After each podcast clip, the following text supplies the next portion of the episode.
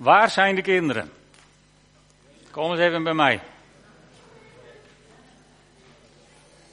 Want jullie moeten vandaag in de dienst blijven. Wat een ellende, hè? Dan moeten jullie even luisteren. Ergens in, dit, in deze zaal staat het woord ontmoeten. Wie van jullie weet waar het staat? Heb je dat wel eens gezien? Ja, heel, goed. Daar op het, ja, kun je achterstevoren lezen, wat goed. Daar, ren daar eens naartoe met z'n allen.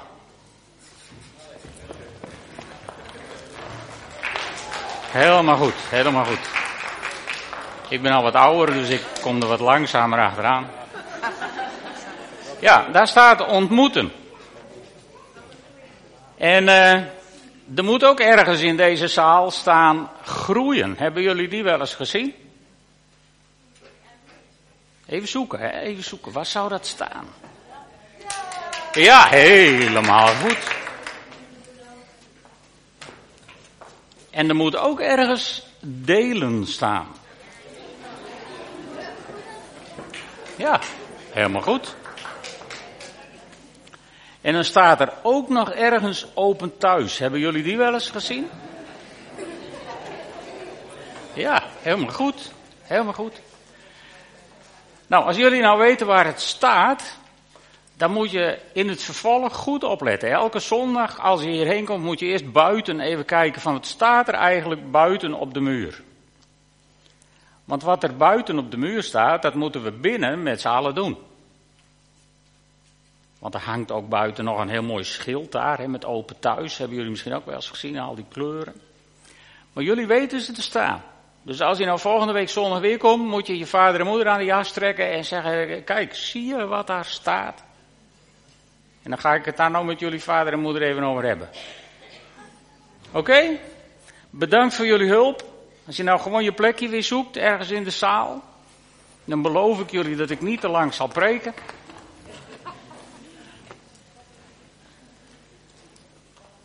En dan is er vast nog wel taart over en zo voor jullie. Ja, want dat staat buiten op de muur. En uh, iedereen kan het lezen die hier langs loopt. En dat is natuurlijk leuke reclame, maar het schept ook verplichtingen aan de binnenkant van de muur. Nou, daar wil ik kort met jullie over nadenken. Maar ik wil eerst een stukje uit de Bijbel lezen, uit Colossensen 1. Colossensen 1, en ik begin bij vers 3. En dan schrijft Paulus aan de gemeente in Colosse, waar hij overigens nooit geweest is, volgens de overleveringen. En dan schrijft hij in al onze gebeden danken wij God, de Vader van onze Heer Jezus Christus voor u. In al onze gebeden danken wij. We gaan straks uh, ook een tijd ergens hebben van danken. En ik moet eerlijk zeggen, meestal is het hier als we tijd hebben van uh, open gebed of van danken, dan blijft het heel erg stil. Ik hoop dat jullie vandaag de moed gaan nemen om je stem te verheffen en God te danken. En bovendien ligt nog steeds de, de uitnodiging, of de uitdaging daarom, op die prachtige canvasvellen daarachter in de zaal, woorden van dank te schrijven, achter de achterste rijen staan die tafels. Sommige mensen heb ik er al op zien schrijven, heel veel mensen ook Denk ik nog niet, maar ik heb er niet op gelet en ik ga er ook niet op letten, beloof ik jullie. Maar, maar maak daar nou gebruik van. Straks als we gaan lopen om het avondmaal te vieren, of als je naar achteren komt om voor je te laten bidden, of als je tijdens de, de, de, het moment dat we even moeten wachten tot de lunch klaar is en, en we met z'n allen aan tafel kunnen. Maakt me niet uit of voordat je naar huis gaat, maar schrijf gewoon je dingen van dank daarop. Niet om ons een veer op een zekere plaats te steken, maar om God te eren. Want daarvoor zijn we hier bij elkaar. Niet om elkaar een pluim te geven of de hemel in te prijzen, maar om je dank aan God te uiten. Schrijf op die vellen. Want die gaan we bewaren, daar gaan we vast wat moois mee doen. Goed, dus danken. Vers 4, want we hebben gehoord dat u in Christus Jezus gelooft en alle heiligen lief hebt omdat u hoopt op wat in de hemel voor u gereed ligt. Daarover hebt u gehoord Toen aan u de waarheid verkondigd werd en het evangelie u bereikte. Overal in de wereld draagt het vrucht. Dat evangelie, hè? Dat draagt overal in de wereld vrucht. Dat zou Paulus ook vandaag de dag kunnen schrijven voor grote delen op deze aarde. Zuid-Amerika, Azië, Afrika, het Westen. Dat valt nog een beetje uit de toon. Maar we hebben met z'n allen gezongen. Greater things are yet to come and greater things are still to be done in this city. Ook hier. Want ik geloof niet dat God alleen werkt in andere werelddelen en Europa is vergeten. Dus overal in de wereld draagt het vrucht en groeit het. Ook bij u, schrijft Paulus. Vanaf de dag dat u over Gods genade hoorde en de ware betekenis ervan begreep. Dat is een lastig stukje zin. De ware betekenis van genade begrijpen. En dan gaat Paulus verder over onze geliefde medewerker Epaphras. Waarschijnlijk de oprichter van de gemeente in Korinthe. Iemand die bij Paulus onder zijn gehoor was geweest en zo diep aangeraakt dat hij ergens een gemeente is begonnen. Onze geliefde medewerker Epaphras, die zich als trouwe dienaar van Christus voor u inzet, heeft u daarin onderwezen. En als er in de Bijbel staat daarin, dan is de eerste vraag die bij je hoort op te komen, waarin? Om even vast te stellen waar het over gaat. En, en ik denk dat dat slaat op vers 6. De dag dat u over Gods genade hoorde en de ware betekenis daarvan begreep. Ik denk dat Epaphras iemand was die in Korinthe heeft, of in, in, Colos, in Colosse, heeft onderwezen over de genade. Je kunt heel gemakkelijk gaan onderwijzen over allerhande woorden, over allerhande regeltjes. Maar weet je, op een dag kom je met allerhande regeltjes verschrikkelijk in de knoei. Zo ook twee hele bijzondere mensen met hun kinderen. Michel en Sirene. Ze komen in de Armeense gemeenschap die hier op vrijdagavond bij elkaar komt. Michel komt uit Jordanië, Sirene komt uit Armenië. En ze hebben twee kinderen gekregen in een tijd dat ze Griekse papieren hadden. En nu zijn ze in Nederland en ze mogen hier niet blijven, want ze zijn geen asielzoeker. En de regeltjes hebben het volgende vastgesteld. Michel is van harte welkom in Jordanië. Sirene is van harte welkom, of van harte, in ieder geval, die kan naar Armenië. En de kinderen mogen naar Griekenland. Fijn, hè? Regeltjes. Geweldig. Naar de wet toegepast. Ze hebben een beroep gedaan op onze minister voor een buitengewone tegemoetkoming. En vrijdag dient hun rechtszaak. Onze Armeense broeders en zusters hebben daar afgelopen vrijdag voor gebeden. En ik nodig jullie uit het diepst van mijn hart uit om de komende week te bidden dat Nederland een land van genade mag blijken te zijn. Want dit kun je toch met elkaar als beschaafde westerse mensen niet laten gebeuren. Maar dit kan gebeuren als je vergeet om in de genade elkaar te onderwijzen. En daar moeten we eerlijk in zijn. Ik ben ook blij dat, dat, dat Betty en Harm, dank voor jullie prachtige uiteenzetting, eerlijk zijn geweest. Tien jaar open thuis. En het was geen tien jaar feest. Laten we eerlijk zijn, het was ook geen tien jaar ellende. Het waren gewoon tien goede jaren. Tien jaren waarin we hebben gedaan wat we tien jaar geleden hebben afgesproken. En wat je eigenlijk in een huwelijk ook afspreekt. Je gaat samen op reis. In goede en kwade dagen. En in die tijd probeer je trouw aan elkaar te blijven. En, en jullie verdienen een compliment dat je hier nog zit. Dat je dat tien jaar hebt volgehouden. En dat we er nog zijn. Dat is genade van God. Dat is geen verdienste. In ieder geval niet van mij. Ook niet van de diverse bestuurders die er de revue hebben gepasseerd in die tien jaren. Het is genade van God. En dat zou elke kerk en elke gemeente in dit land zich heel diep bewust moeten zijn. Dat het genade is dat je bij elkaar bent. En misschien moet je daar elke zondag wel voor leren danken dat het genade is dat je weer bij elkaar bent. En dat je daar ook eerlijk in bent. Maar goed, er is ook liefde onder elkaar. Ondanks het feit dat je misschien wel eens even verschil van mening hebt. Dat was ook zo in Kolossen. Paulus gaat verder in vers 8, zegt hij, dat Epaphras hem verteld heeft over de liefde die de geest in u opwekt. Goed opletten, die de geest in u opwekt. Het is vandaag Pinkster, we staan stil bij de uitstorting van de Heilige Geest. En het gaat over de liefde die de geest in je opwekt.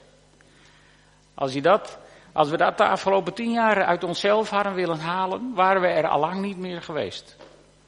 Maar de geest heeft liefde in ons opgewekt voor elkaar. En, en, en dat leidt ertoe dat je, dat je elkaar gewoon niet kunt missen. Soms kun je elkaar misschien wel eens achter het behang plakken, maar dat hebben we hier gelukkig niet in deze zaal, dus dat zal niet gaan. En je kunt elkaar gewoon niet missen. Want je bent van elkaar gaan houden. Ik weet niet hoe het jullie gaat, maar ik heb, ik heb me soms tegenover God wel eens gevoeld als een vis die aan de haak zit van de hengel. Je kunt gewoon die kant op. God heeft die aan de haak geslagen. En hij trekt zich naar je toe.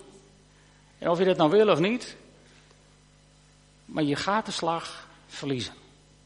Want de trekkende kracht van God is sterker dan de weerstand die we soms hebben naar elkaar, naar organisaties, naar bedenk het maar. God gaat winnen. Dus mocht je nog ernstig spartelen ergens aan een lijn, ja, dan wil ik je één boodschap meegeven. Beperk de pijn die je gaat lijden. En zwem maar gewoon richting God. Want hij wint het toch. Goed. De liefde die de geest in je opwekt. En dan zegt Paulus, daarom bidden wij onophoudelijk voor u vanaf de dag dat we dat gehoord hebben. We vragen dat u Gods wil ten volle mag leren kennen door de wijsheid en het inzicht die zijn geest u schenkt. Dan zult u leven zoals past tegenover de Heer, hem volkomen welgevallig. U zult vrucht dragen door al het goede dat u doet. Uw kennis van God zal groeien. En u zult door zijn luisterrijke macht de kracht ontvangen om alles vol te houden en alles te verdragen. Breng dus met vreugde dank aan de Heer als we straks gaan danken. En, en schrijf met vreugde je blijdschap uit op die vellen die daarachter liggen.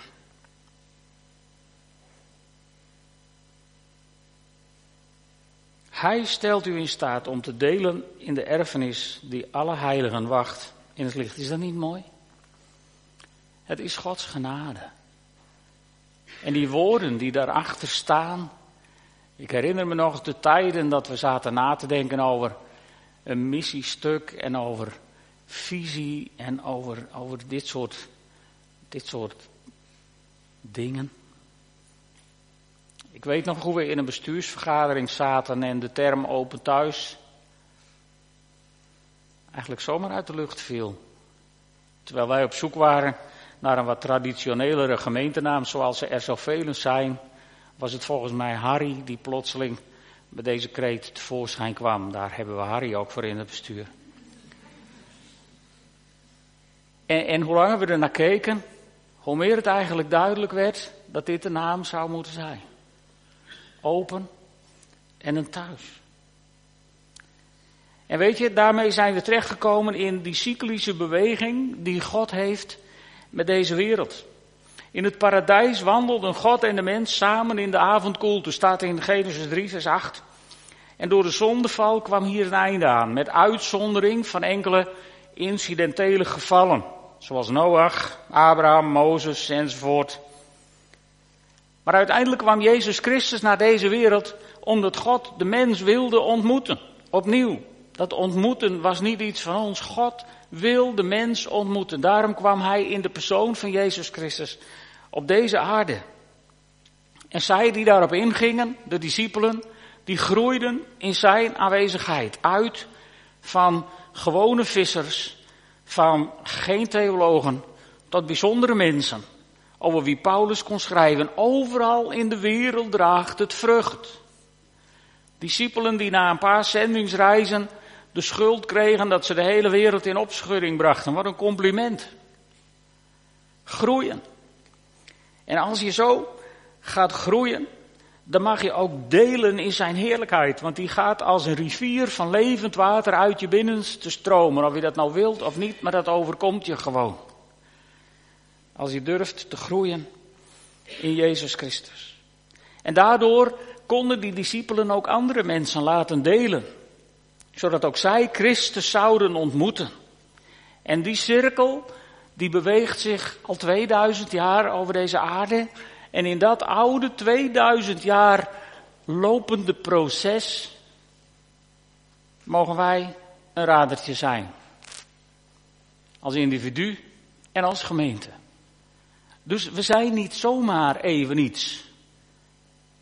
Kind van God zijn, deel van een gemeente zijn, dat mag je vervullen met een zekere trots.